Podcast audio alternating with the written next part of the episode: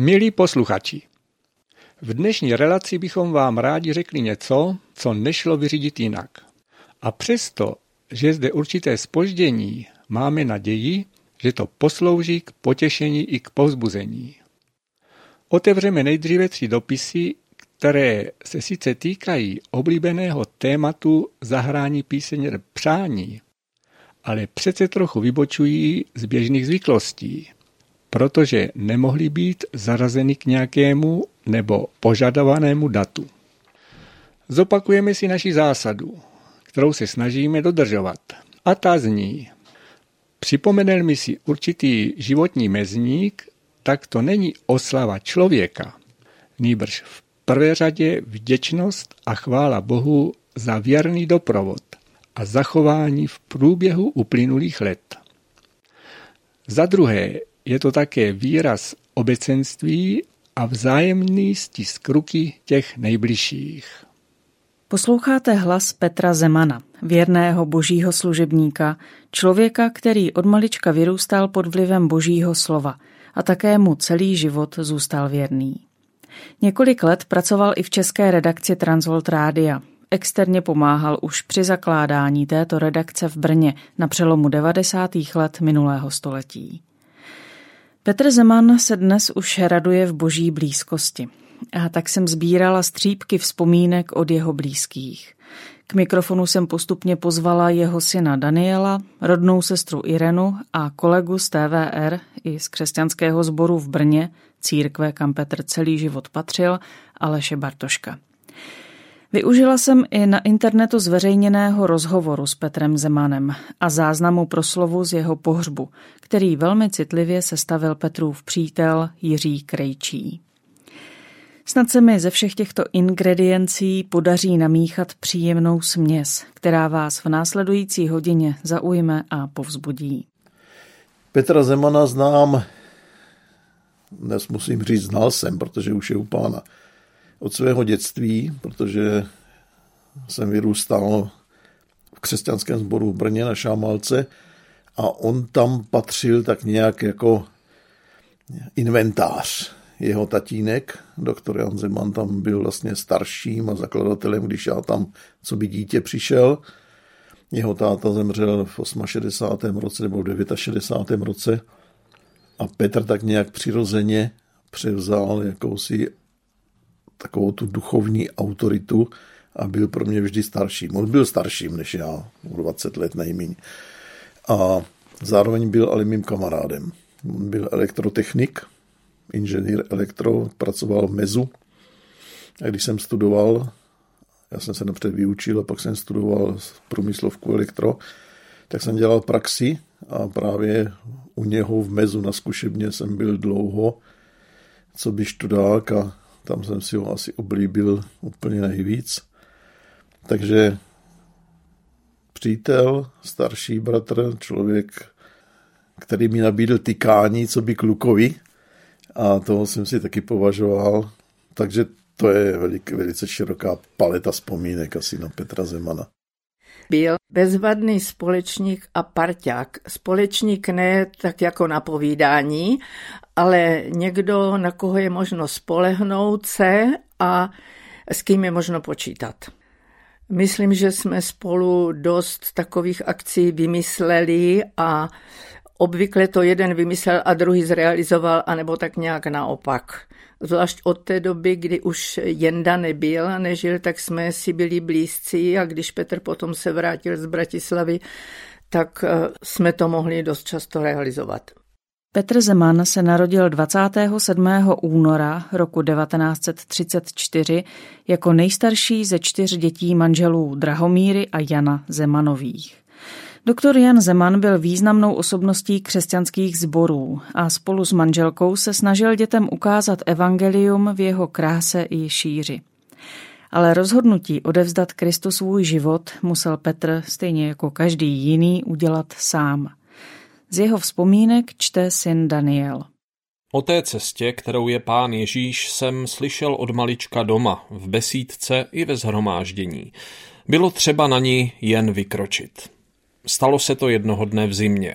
Měl jsem nějakou chřipku, takže jsem nebyl ve škole, ale ležel jsem doma v posteli. Koukal jsem na strop a myšlenky letěly hlavou. Že se na takovou nemoc neumírá, to jsem si byl jistý, ale přesto je potřebné být na závažné okolnosti připraven.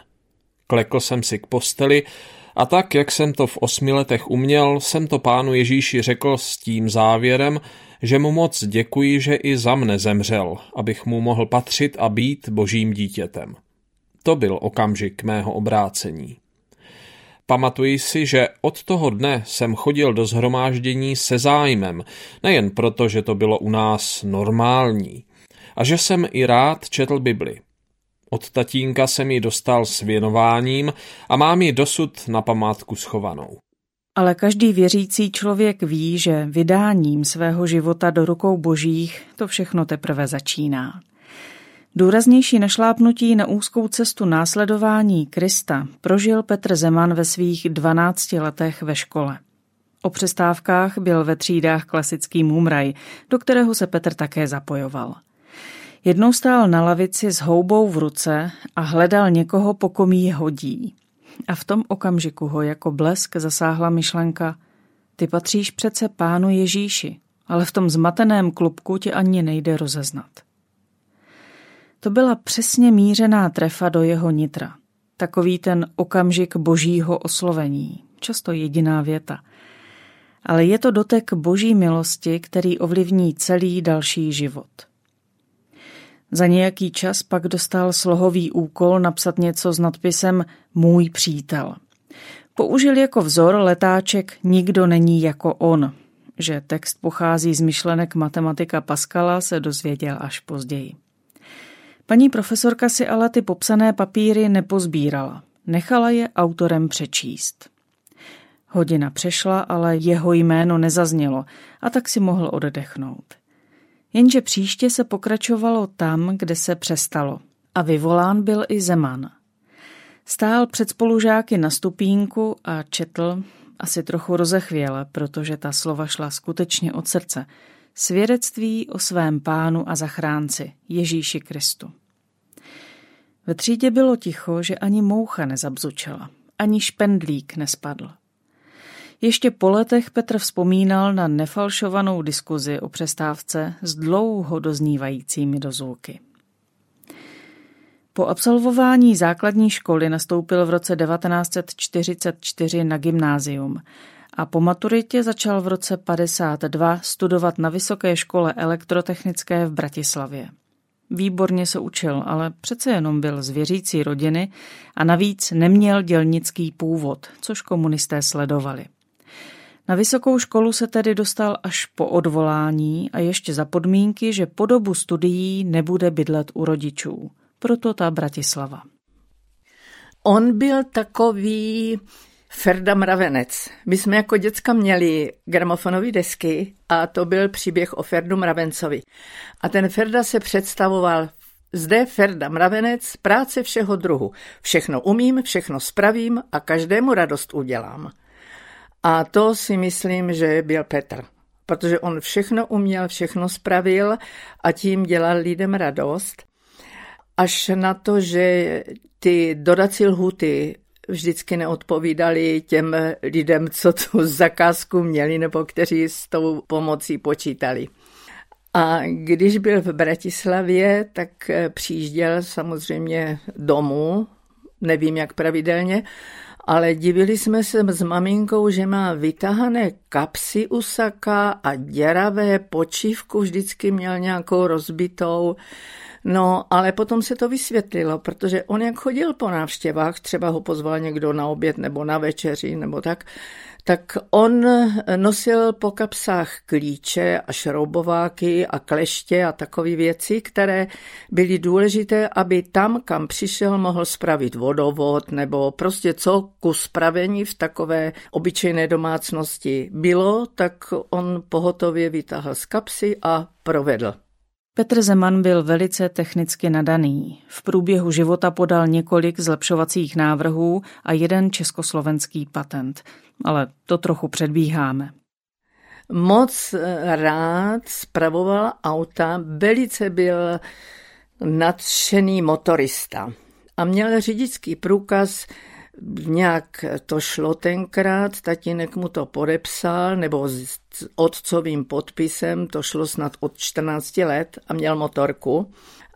A napsal o tom jako student v gymnáziu, po prázdninách se píšou nějaké vzpomínky na prázdniny, tak o tom napsal dlouhou báseň, která začínala ČZ 125B, pěkný motocykl je dál už to neumím. A na té motorce byl eh, na veletrhu v Praze. A na to vzpomínala, to byl skutečně teda jeho velký sportovní i hrdinský výkon. No a potom zpravoval tatínkovi auto, protože měl tatínek auto, potřeboval ke své činnosti. A když tatínka zavřeli, tak mu taky zabavili auto a my jsme jako mládež auto potřebovali tak já jsem měla peníze, protože jsem chodila do práce a domů jsem peníze dávat nemusela, tak jsme za tři tisíce, to bylo snad sedm mých platů nebo osm nebo tak nějak, koupili auto, staré auto značky Hanomak. A ono mělo stahovací střechu a podél toho auta byly stupačky. A když jsme jeli třeba do Heršpic, na zhromáždění, tak jsme ve Slavkově na nádraží naložili mládežníky, no a potom jeli na stupačkách kolem toho auta do Heršpic anebo do Koněšína, tak jsme se různě přepravovali. A když to bylo v době veletrhu, tak do Brna jezdívala mládež. No, bych to upřesnila, do Brna tenkrát se jezdilo na veletrh jako cíl nebo možnost levné dopravy u příležitosti veletrhu. No a využívali to věřící lidé, zvlášť mládežníci, a navštívili veletrh a zdrželi se potom třeba na zhromáždění nebo přes víkend a šli jsme na nějaký výlet. A nebo jsme za měsíční noci jeli kolem přehrady, právě v tom Hanomagu. To se stahla střecha, Seděli jsme pěkně v autíčku, to si tak brumlalo, bručelo a projížděli jsme kolem přehrady. Tenkrát to šlo, auto nikde žádné, osvětlení žádné, Petr zhasl světla, svítil nám na cestu měsíc. Taková projížďka kolem, to byl opravdu zážitek a bylo to takové mimo zcela mimořádné. Říká Petrova rodná sestra Irena Zemanová. Jeho osobní vzpomínky dále čte syn Daniel. Jsem vděčný Bohu za mnoho věrných lidí, mezi kterými jsem vyrůstal, počínaje svými rodiči, tatínkem a maminkou. Ze všech ostatních zmíním alespoň bratra Záleského, původně Cajzla. Bydlel se svou rodinou v Řečkovicích, kam jsme také jako mládež jezdívali. Jeden zážitek mi zvlášť zůstal v paměti. Mimo jiné má souvislost s mým již tehdejším zájmem o motorismus. Poznámka na okraj. V necelých 15 letech jsem měl již řidičský průkaz čtvrté třídy. Dnes se divím tomu kloučkovi, co se na mě dívá z příslušné fotografie. Tehdy jsem na Manetu jezdíval do Prahy na strojírenské veletrhy. Automotoklub to pořádal jako cílovou hvězdicovou jízdu. Pro zajímavost, tehdy hlavní státní silnice vedla přes Jihlavské náměstí, na které se přijíždělo po kamenném mostě přes údolíčko z východní strany. Schválně si to zkuste dnes najít. V Čáslavi se poskakovalo podlažbě z Žižkových dob a tak dále. Sobota byl normální pracovní den a já odpoledne připravoval stroj na cestu a montoval startovní čísla. A právě tehdy přišel za tatínkem bratr Záleský a také se zajímal o to, co dělám. Nadšeně jsem mu to vše předváděl. On se zájmem poslouchal a pak se zeptal. Ty chceš opravdu zítra, to znamená v neděli, být na cestě? A to bys ani nebyl ve zhromáždění? Ta věta byla pro mne božím oslovením, které se mi stalo až dodnes životní výzvou. Přípravy jsem v sobotu dokončil, ale v neděli jsem byl tam, kde je pán uprostřed. A já si představuji, že nepřichází jako ctěná autorita slavnostním pochodem, až jsou všichni na svém místě. On je už napřed v prázdném sále a čeká, kdo přijde s touhou po vzájemném obecenství. Na cestu jsem vyrazil až v pondělí ráno. O nic jsem nepřišel, ze školy jsem měl na dva dny volno. Naopak jsem získal cenou zkušenost poslušnosti. Byl to nádherný, pro mne dodnes nezapomenutelný den. Krásná, jasně modrá obloha a já jsem si cestou radostně v srdci zpíval. V tom autě jsme jezdívali eh, na různé, třeba Petr na plánek nebo na různé mládežnické akce a vracívali jsme se pozdě večer a aby nám cesta dobře utíkala, tak jsme si zpívali. Petr rád zpíval a tak nám to vydrželo na takovou celou cestu zpátky a aspoň to neusnul. Jako děcko nerad zpíval a maminka eh, byla smutná, že jsme nechtěli zpívat a tu hudbu nějak neprožívali. Ale Petr za studentských let v Bratislavě se tam naučil hrát na mandolinu a na kytaru a naučili to brňáky, mládež. A my jsme potom měli dobrou takovou skupinu, kytara, mandoliny, já jsem měla brač, hrávali jsme a Petr potom začal hrát na klavír, aby mohl ve zhromáždění doprovázet při zpěvu. A s tou hudbou to už bylo potom takové aktivnější. V dnešním pořadu sledujeme životní cestu Petra Zemana, výrazné osobnosti křesťanských sborů a také dlouholetého spolupracovníka i redakčního kolegy Transvolt Rádia. Jsme na sklonku roku 1958. V prosinci Petr promoval jako inženýr v oboru elektrosilnoproud – od roku 1959 pracoval v moravskosleských elektrotechnických závodech v Brně jako technik ve zkušebně a tomuto podniku zůstal věrný až do odchodu do důchodu. Výjimku tvořila jednoroční přetržka v letech 1962 až 3, kdy nastoupil v rámci organizovaného náboru do uhelných dolů v Ostravě. V červnu 1992 odešel do předčasného důchodu, aby posílil pracovní tým TVR a zde pracoval až do roku 1998 a ve spolupráci s rádiem pokračoval i poté jako člen rady TVR. Petr Zeman byl synem známého otce, který sloužil výkladem božího slova po celé republice a proto byl také, jak už tu zaznělo, pro službu v církvi i nějaký čas ve vězení. Křesťanský sbor byl Petrovi skutečně druhou rodinou, jak uslyšíte i z další části rozhovoru, ze kterého cituje Petrův syn Daniel. Zbor bez ordinovaných duchovních a členských matrik má být domovským místem každému božímu dítku, kde může s láskou a ukázněně dozrávat. Každý, bratr či sestra, má přispívat božímu dílu životem, službou, je tolik možností a příležitostí, že ani vše nepostřehnu.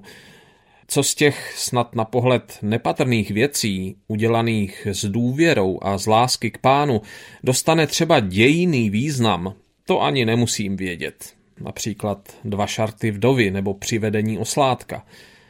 Důležitým pravidlem však zůstává za A. nehledat velké věci a za B. být věrný v malém. Jak jsem prožíval počátky ve službě sboru? Nošení uhlí do a ze sklepa, když se ještě topilo v kamnech, různé práce i elektroúdržba, začátek užívání magnetofonů, doprovod písní na harmoniu, mládež a mandolínový soubor, zpěvníček zvučí zvučí duše má, vedení dětské besídky, příprava místnosti pro konferenci i úklid po ní. Jsou ovšem situace, kdy je v božím díle zapotřebí svěřit někomu úkol, který je tak říkajíc adresný.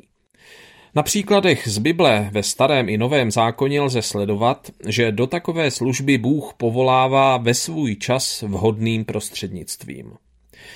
Někdy je to pozorováno vnějším pohledem až překvapivě strohé. Například Elizeus prožil své povolání tak, že jednoho dne při práci na poli přehodil na něj okolo jdoucí starší muž svůj plášť a šel dál. Nějaký čas po odchodu mého táty do nebeského domova mne jednou po příchodu do zhromáždění chytil bratr Krhovský za rukáv a řekl Teď budeš sedět a pracovat na místě svého otce ty. A šoupnul mě dopředu před sebe. Já si bratra Krhovského velmi vážil, zvlášť v období zákazu zhromáždění byl jako statečný pastýř božího stádečka. A vzal jsem to jako pánův pokyn. Vzpomínám si, že se od tatínka hodně učil. Petr, když začal sloužit a třeba mluvit v mládeži nebo tak, tak to bylo velmi náročné. On se nevyjadřoval moc, měl tohle slova, věty, formuloval těžce. Jednou jsem přišla do tatínkovy pracovny, Petr tam s ním seděl a e, tatínkovi přeříkával to, co měl říkat někdy potom před lidmi. A tím, že začal brzo sloužit a v té mládeži nějak působit, tak se vycvičil a vychoval a taky protože mu na tom velmi záležalo. Takže jeho služby byly velmi povzbuzující, vyučující a potěšující a obvykle ve zhromáždění vstal až poslední a jak kdyby zametal, jo? udělal rezumé usnesení, závěr z toho, co jsme slyšeli. A vždycky mu záleželo na tom, aby tam byla nějaká evangelijní myšlenka, i když to bylo vyučování, tak tam bylo oslovení pro nevěřící. A když to bylo evangelizační zhromáždění, tak tam bylo oslovení pro věřící.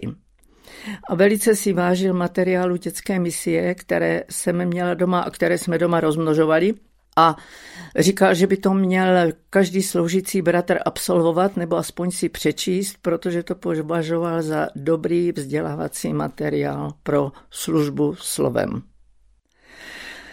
Velice rád navštěvoval zhromáždění, na to jsme byli zvyklí už od rodičů, že kudy jsme jeli, tak jsme navštěvovali blízko bydlící věřící.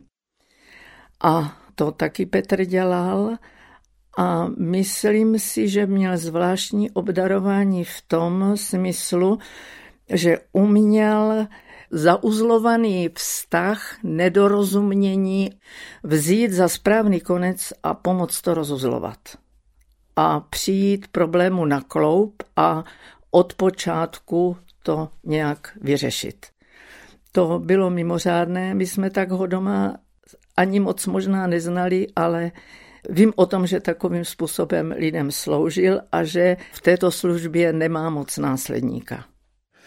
Měl takovou kabelku velikosti A4, tlustou 6-7 cm a v ní měl A5 formáty Bible, konkordance slovníků a poznámkových papírů, takhle roztrkané. To, měl, to byl speciální kabelka, kterou nosil do sboru a celou dobu, co si ho pamatuju, používal jednu Bibli, jednu konkordanci, jeden slovník a neustále si tam něco zapisoval a potrhoval. Do toho sešitu A5, který tam byl jako čtvrtá část té jeho kabelky, tak každou službu, kde ho něco zaujalo, tak si něco, něco značil a on měl takový zvláštní způsoby značení pomocí. To bylo skoro jak těsnopis. Jo? V tom se nikdo nevyznal, jenom on, ale on se v tom i orientoval a já jsem ho pozoroval, když někdo sloužil a nic, nic si nepoznamenal, tak jsem si říkal, to asi to moc nestálo, to toho nezaujalo.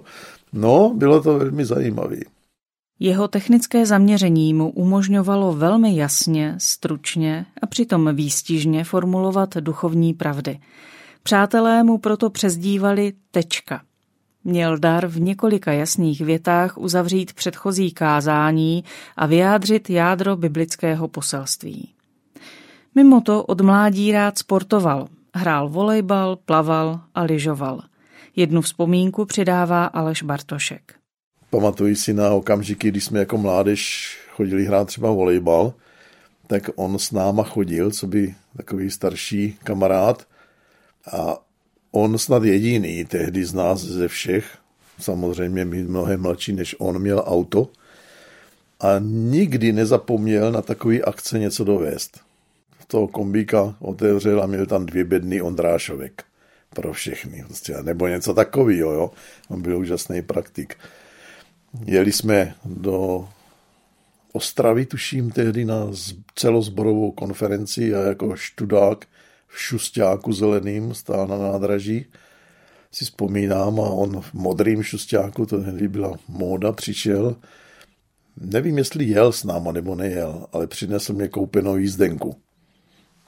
Zaplatil mě prostě cestu do Ostravy. Já mám na něho prostě v tomto směru jako výborný vzpomínky. V roce 1964, tedy ve svých 30 letech, se Petr Zeman oženil s Danielou Suchomelovou a po deseti letech manželství se jim narodil syn Daniel. S přibývajícími lety pak věnoval svou energii stále více službě v domácím brněnském křesťanském sboru i mezizborové práci. Byl průkopníkem v nahrávání bohoslužeb. Termínově správně bych měla spíše říci služeb slovem. Nahrávali na magnetofonový záznam a po nástupu počítačů se věnoval i programování. Nedílnou součástí této práce byla služba spoluvěřícím při nejrůznějších opravách elektrotechnických zařízení. Hovoří Aleš Bartošek. On se ke mně choval jakoby k sobě rovnému a zároveň mě učil mnohé věci i v té elektrotechnice ve sboru, když jsme dělali třeba ozvučení něčeho nebo takový hromadný zařízení pro nahrávání na magnetofony to tehdy nebylo tak, že jeden mikrofon a nahrávalo se někde do nějakého počítače a během okamžiku se to rozmnoží na flešky a na CDčka dneska. Tehdy byla konference a, a tam bylo 100 mikrofonů a 100 magnetofonů cvakalo a on vymýšlel prostě něco pro to, aby se to dalo udělat na jeden mikrofon a všechny magnetofony se napojily z jednoho mikrofonu. Vymyslel to, spolu jsme to vyráběli, dokonce centrální ovládání těch magnetofonů, že prostě na jeho povel všechny zastavili a rozdělili se, aby tam nebylo takový to rachtání těch stopek a podobně. Na druhé straně jako přítel si taky uměl udělat své, a když jsme potom už byli starší třeba, já už jsem byl po škole a podobně, tak jsem ho poznal i z té stránky takové té jeho, řekl bych, umíněnosti a nech to posluchači přijmou jakoby s úsměvem a to patřilo k němu. Petr Zeman je člověk a byl člověk, který si věděl se vším rady. Já bych řekl, že on moc nepotřeboval poradit, co a jak udělat. Jo? Že on to fakt jako nějak zvládl po svým. Prostě svojí logikou, svým umem to zvládl. A ne všichni to tak uměli a někdo to chtěl udělat nějak jinak, tak on je v klidu nechal. A pak šel a udělal si to po svým a řekl jim, že je to hotový. To byla jeho metoda. To jsme neměli rádi, to nám lezlo přes zuby. No ale patřilo to k němu. Ale on si věděl rady v takových situacích, kdy nás vezl do Tater jsme tehdy jeli a lílo jak z konve po cestě a v té jeho oktávce jsme podjížděli nějaký most, to nebyly žádné dálnice. Nabrali jsme vodu do auta na podlahu, prostě jsme se utopili skoro. Tak on, zastavil kousek za mostem, vzal ruční vrtačku, kterou vytáhl z kufru z auta. To měl sebou prostě připravený na všechno, provrtal dírky do auta, pod koberečky do podlahy, voda vytekla a my jeli dál v suchu. To byla prostě jeho způsob řešení věcí. V rámci těch svých různých vynálezů eh, Petr taky vymyslel, nebo to někde vyčetl, udělal takovou hmotu, uvařil, která se nalila do pekáčku velikosti asi A4 a napsali se noty, notová osnova a text písně zvláštním ingoustem a to se otisklo do té hmoty. A potom čistým papírem přiloženým na to přejel se válečkem a otisklo se to jako negativ z toho zpátky. No a tak jsme mi množili písně. Když byl Petr na brigádě v Ostravě, tak s Edou Pidrou dávali dohromady zpěvník, Zvučí, zvučí píseň má, se to mi jmenovalo, bylo tam několik písní a pak jsme další rozmnožovali tímto způsobem. A jednou byli u nás mládežníci a tu jednu, jedno děvče mělo telefon. Šla k telefonu a asi se, co děláš? No já jsem u Zemanu a my rozmnožujeme písně. A my jsme kolem toho telefonu na ní, prosím tě, neříkej, že rozmnožujeme písně, nám odposlouchávají telefony. A ona říká, ty já ti to nemůžu vysvětlovat, jim prej poslouchají telefony. No ale tenkrát to snad nemělo žádné dopady, ale to byl takový zážitek a to byl jeden taky z Petrových, jedna z Petrových aktivit. A to, že magnetofony miloval a všem lidem opravoval a seřizoval a že TVR byla jeho srdcová záležitost. To myslím, že je známe a že o tom i jiní lidé podají svědectví, protože TVR to byla číslo jedna. Chodil jsem k němu rok, možná i víc, každou sobotu dopoledne kdy se mě opravdu věnoval po odborné i duchovní stránce, vlastně jsem s ním rostl takto, takže se mě stal blízkým, když jsme ty magnetofony dělali a kde co jiného.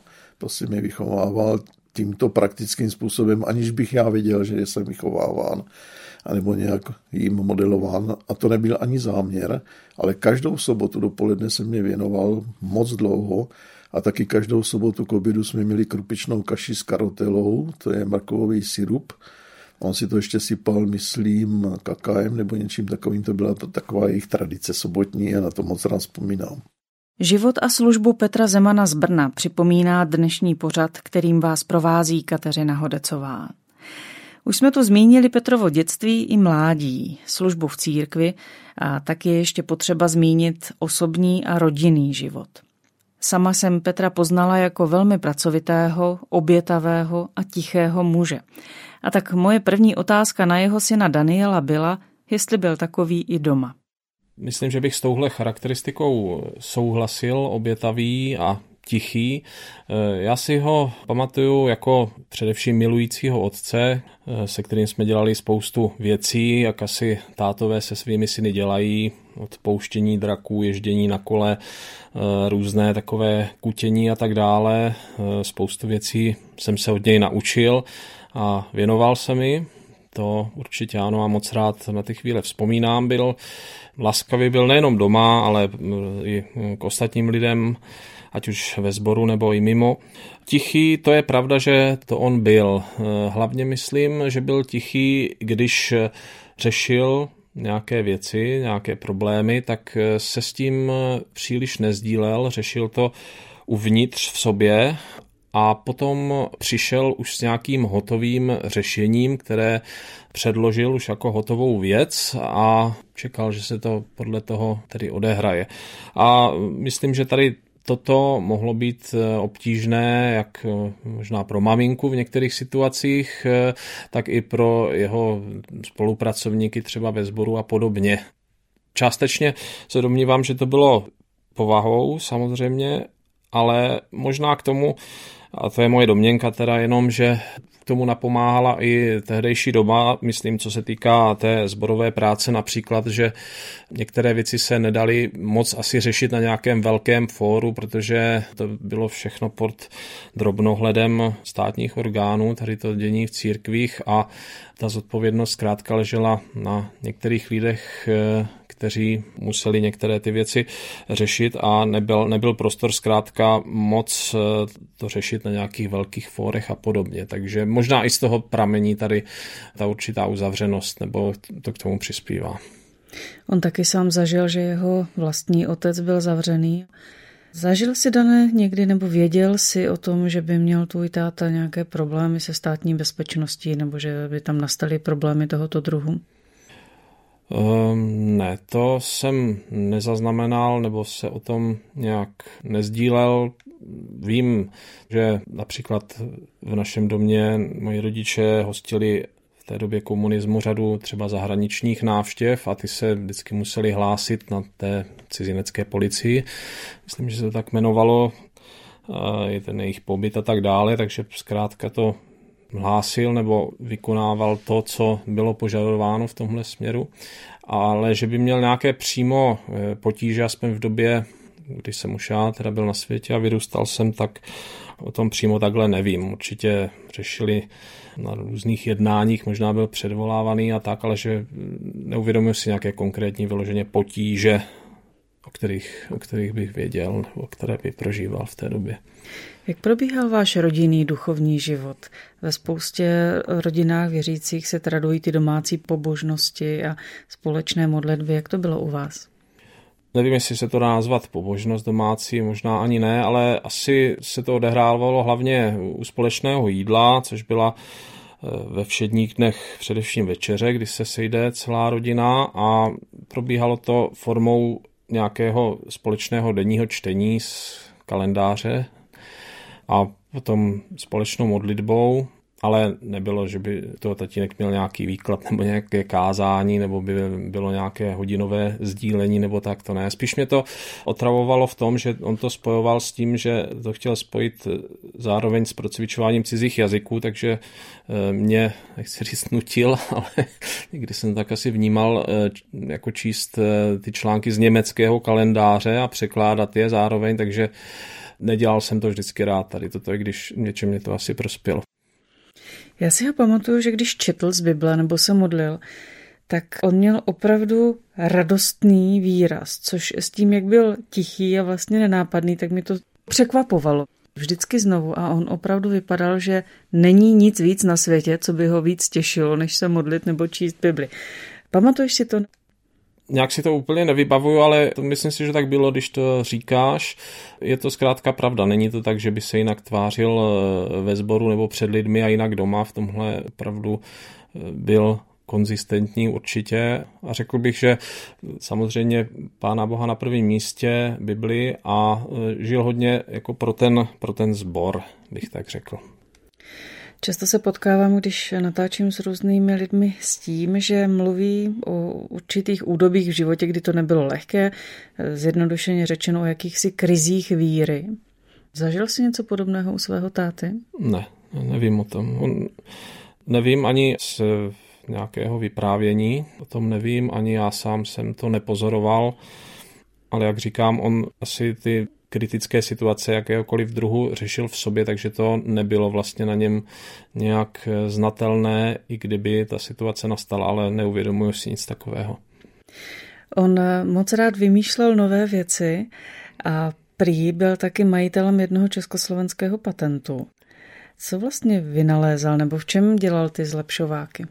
Eh, tatínek pracoval vlastně téměř celý svůj profesní život v podniku eh, Moravské elektrotechnické závody neboli MES v Brně, eh, kde pracoval jako vedoucí zkušebny elektromotorů. Myslím, že ten zlepšovák se týkal něčeho s tím souvisejícího, ale přiznám se teď, že teda nevím přesně o co šlo, ale něco v této souvislosti. Ale jinak, jinak vymýšlel řadu takových nepatentovaných zlepšováků různého druhu, to je pravda. Ono je zajímavé, že se v něm snoubily takové dvě vlastnosti, jednak, že byl velmi pokrokový na jednu stranu a různé technické novinky jako jeden z prvních nebo z té první vlny třeba uváděl do praxe, například eh, v rámci eh, naší církve nahrávání na magnetofony a podobně, nebo si pamatuju, že v 80. letech jsme měli doma počítač ZX Spectrum, teda takový ten jednoduchý, ale to rozhodně tehdy spíš měli jenom ti takový nadšenci, neměl to určitě každý doma jako dnes. Takže tady v tomhle byl takový progresivní v zavádění těch technologií do praxe i v rámci sboru například a tak. A pak dosáhl v tom určité úrovně a na té pak vlastně setrval, až vlastně všichni ostatní už jako tu úroveň zase předběhli a on na ní stále zase konzervativně trval a už velice nerad se posouval někam dál, takže například, jak jsem říkal s tím počítačem, tak potom, když už nastoupilo ovládání počítače myší a podobně, tak to až opravdu zjistil, že už ty Windowsy se bez myši velmi těžko ovládají, tak se tam krčila tak jako v rožku pracovního stolu myška, nebo když si pořídili například auto v koncem 60. let, eh, moji rodiče, tak tehdy taky nebylo auto zdaleka tak běžná věc jako dnes, co se týká vybavení rodin a to auto ovšem s ním pak jezdil dalších 30 let až zhruba do roku 2000 a taky se nějak tak jakoby bránil nebo pořád ho považoval za dostatečně dobré, než aby, než aby si pořizoval něco jiného. Takže nad tím jsem se tak eh, lehce pousmíval, ale jak stárnu, tak to možná začínám trochu rozumět. Myslíš, že to, že ty jsi technik, pramení u toho, že on byl technik a kutil s tebou? Jak... Myslím, že ano, že mi k tomu nějak tak nenásilně přirozeně asi přivedl, nebo jsem to viděl, zkrátka. Určitě to souvisí a určitě řadu věcí mě eh, naučil nebo do nich uvedl, nebo aspoň podnítil ten zájem a pak jsem se v tom třeba rozvíjeli samostatně. Ale domnívám se, že základy to tam určitě má. Doma to bylo někdy jako pod heslem Ševcova žena Kovářova Kubila chodí bosy. To je nutno říct, že teda ti domácí byli vždycky až na nějakém místě trošku, ne na předních místech v pořadí. To prostě tak bylo. A opravdu byl doma málo mluvný. Jestli ty starosti v sobě tutlal, nebo je nechtěl sdílet, nebo jaký k tomu měl důvod, nevím, ale doma byl málo mluvný. A čím starší, tím to bylo výraznější. Ale jinak za mladá měl smysl pro humor. On nešel do práce, tak cvičil na hrazdě. My máme na zahradě hrazdu. To nám tatínek pořídil, abychom se nekamarádili s lidma ze světa. Tak jsme měli doma možnost cvičit a kruhy. A Petr nešel do práce, tak tam udělal několik zhybů. A když přišel z práce, tak na posledním schodu udělal stojku a po rukách přišel do kuchyně za babičkou. Babička stála u stolu, vařila nebo čekala na něho a ne to, jak šel po těch rukách, tak v kolenách ohnuty nohy, tak prvně vešly do dveří boty nad babičinou hlavou a potom tam vkračil teda Petr. A babička se ze začátku lekala, no ale potom už si na to zvykla a on to zdůvodňoval tím, že takhle se v tom světě postaveném na hlavu lépe vyzná a lépe orientuje. Říká Irena Zemanová, Petrova rodná sestra. V rozhovoru po natáčení mi pak ještě dodala, my jsme nebyli normální domácnost. K nám se pak ještě přistěhovala tatínkova maminka a maminčin tatínek s celou svou domácností a žili u nás docela dlouho. Eh, myslím, že to bylo někdy dost náročné, protože my jsme byli zvyklí žít svým tempem, svým způsobem a dost extrovertně zaměření. A já jsem to vnímala tak, že většinou rodiny vnímají toho, kdo se tam přižení nebo přivdá, jako přivítají ho do rodiny a myslí si, že je jedním z nich. A to tak úplně nebylo, protože Švagrová byla z jiného prostředí a vyrůstala v jiných okolnostech a domnívám se, že tam Petr tu svoji úlohu manžela dost dobře nezavládl. Je mě líto, že to tak musím říkat, ale mám takovou zkušenost, že máme všichni stejnou Bibli, ale občas nám tam chybí nějaký verš. Známe všechno, ale prostě ten verš tam nemáme, no. A přijdeme na něho až třeba časem. No a tak eh, možná tam Petrovi vypadl ten verš, že opustí rodiče a přidržití se bude manželky své protože on zůstal v té rodině zakotvený a bylo to pro Dáňu, myslím, že někdy dost náročné. Tady v té situaci se orientovat, protože my jsme skutečně byli jiní. Mluvit o životě Petra Zemana a vynechat spolupráci s Transvolt Rádiem, to bychom vynechali důležitou část jeho života. Vzpomíná syn Daniel. Tady si pamatuju na eh, setkání s Otakarem Vožem, které proběhlo někdy v roce 90, zřejmě, kdy Otakar Vožech přijel sem do republiky a eh, dával dohromady lidi, kteří by se věnovali tady té práci přímo v České republice.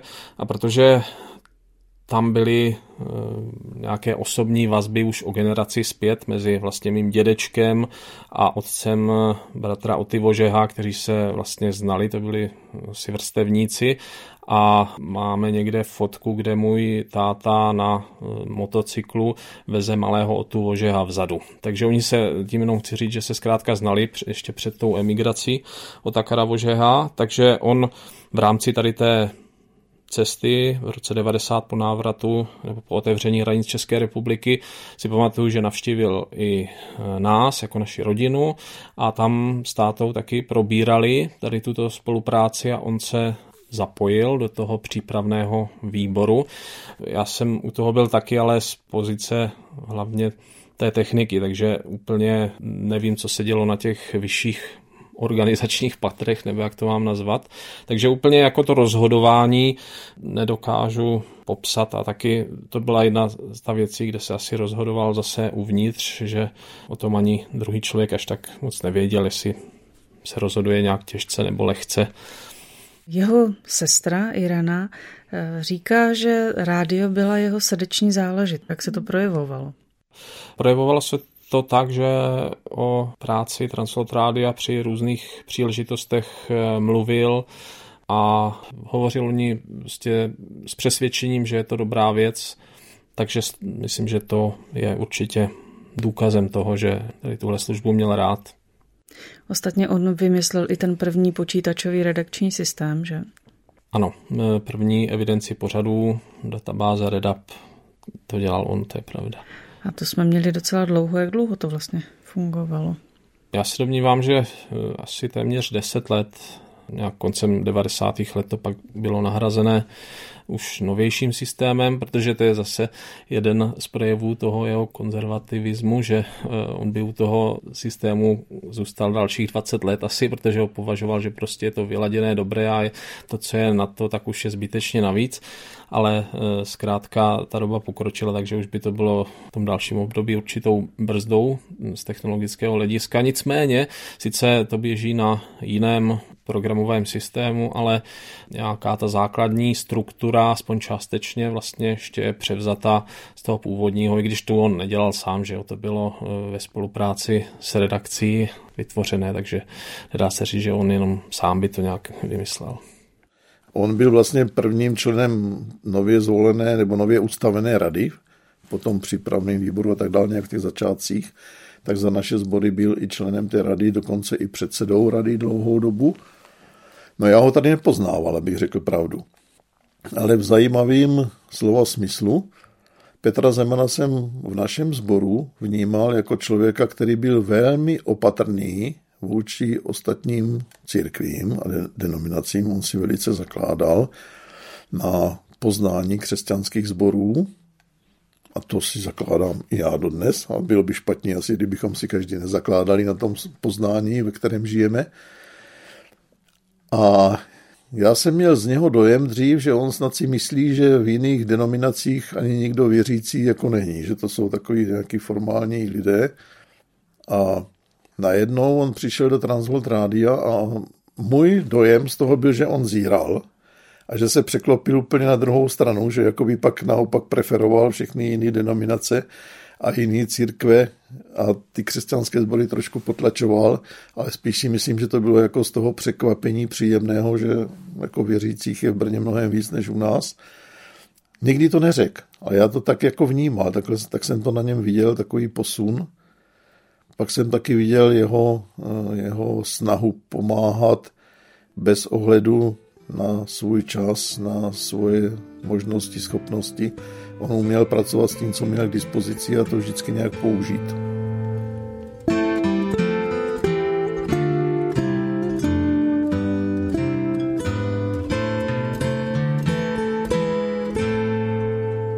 V závěru života byl tvůj táta hodně nemocný. A dlouho nemocný. Kolik let to trvalo? Asi v takové té nejtěžší fázi, možná těch pět, šest let asi, kdy už eh, opravdu bylo na první pohled viditelné, že eh, má potíže s chůzí a postupně to mělo vliv i na výslovnost, na artikulaci. Trpěl tady hm, Parkinsonovou chorobou. Už se to začalo tak poznenáhlu projevovat možná už 12 let před, před jeho smrtí, ale to ještě ze začátku byly jen takové lehce znatelné, občas nějaké zaváhání nebo v té řeči, že to nebylo úplně jako předtím, ale těch posledních pět let už to bylo velmi vážné, že vlastně byl v těch posledních letech už upoutaný na lůžko, maminka se o něj teda starala věrně celou dobu a on to taky trpělivě snášel, nikdy jsem nezaznamenal, že by si nějakým způsobem stěžoval nebo že by snad nějak zahořkl, to ne.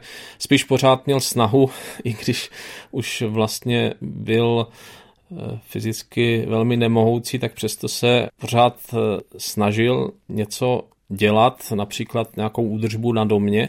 To si vzpomínám na jednu situaci, kdy mě tady řekl, abych se podíval na okapy, že je potřeba vyčistit okap a tak já jsem teda nachystal žebřík a ještě jsem se vracel pro něco do, do domu a než jsem se stačil otočit, tak on už prostě, ať sám eh, nebyl schopný stát eh, bez pomoci, tak najednou už byl na tom žebříku nahoře vylezli v prvním patře, takže takové, takové věci jako tímhle způsobem v úzovkách zlobil, ale jinak to snášel trpělivě teda. No. A v těch posledních letech měl si ty jako jeho syn jediný možnost s ním třeba o některých věcech víc mluvit?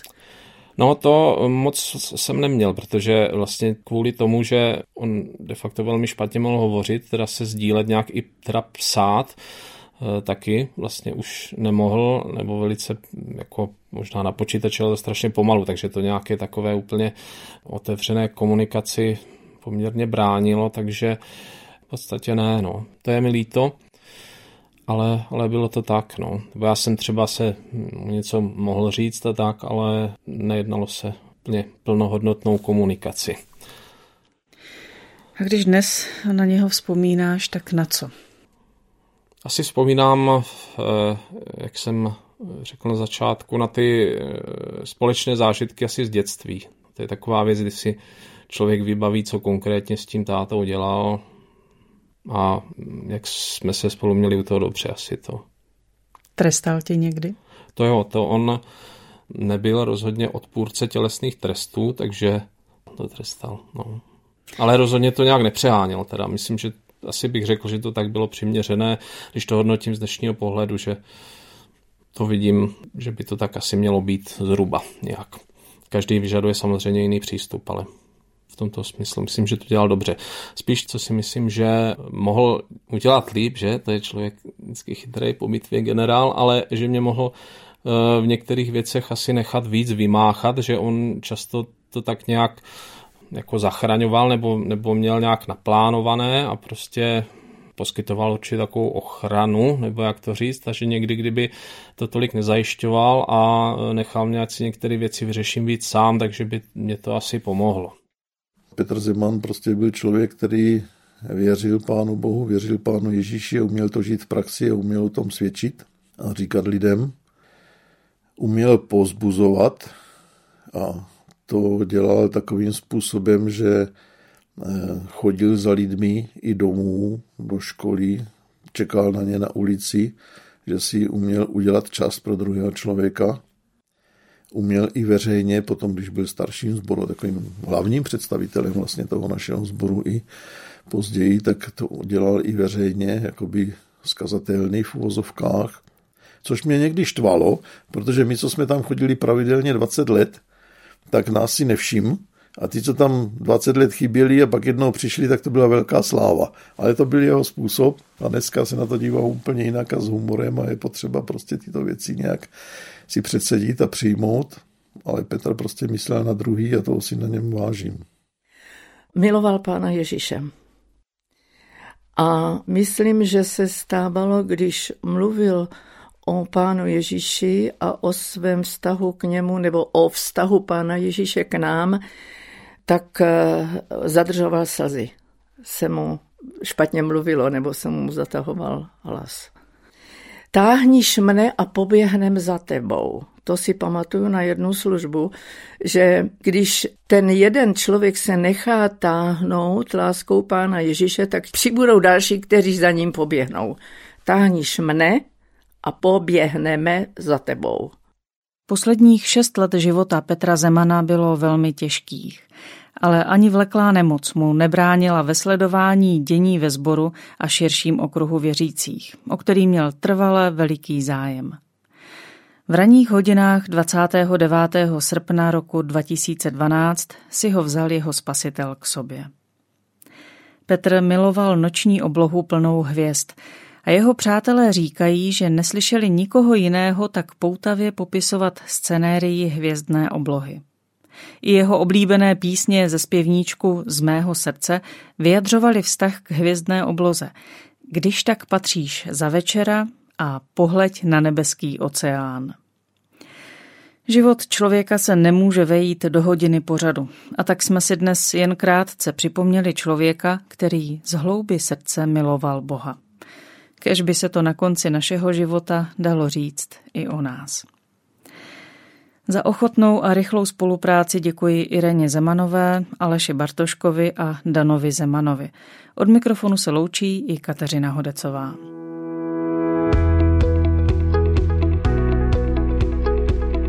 Podcast vznikl na Rádiu 7, které žije z darů posluchačů. Pokud nás budete chtít podpořit, budeme rádi.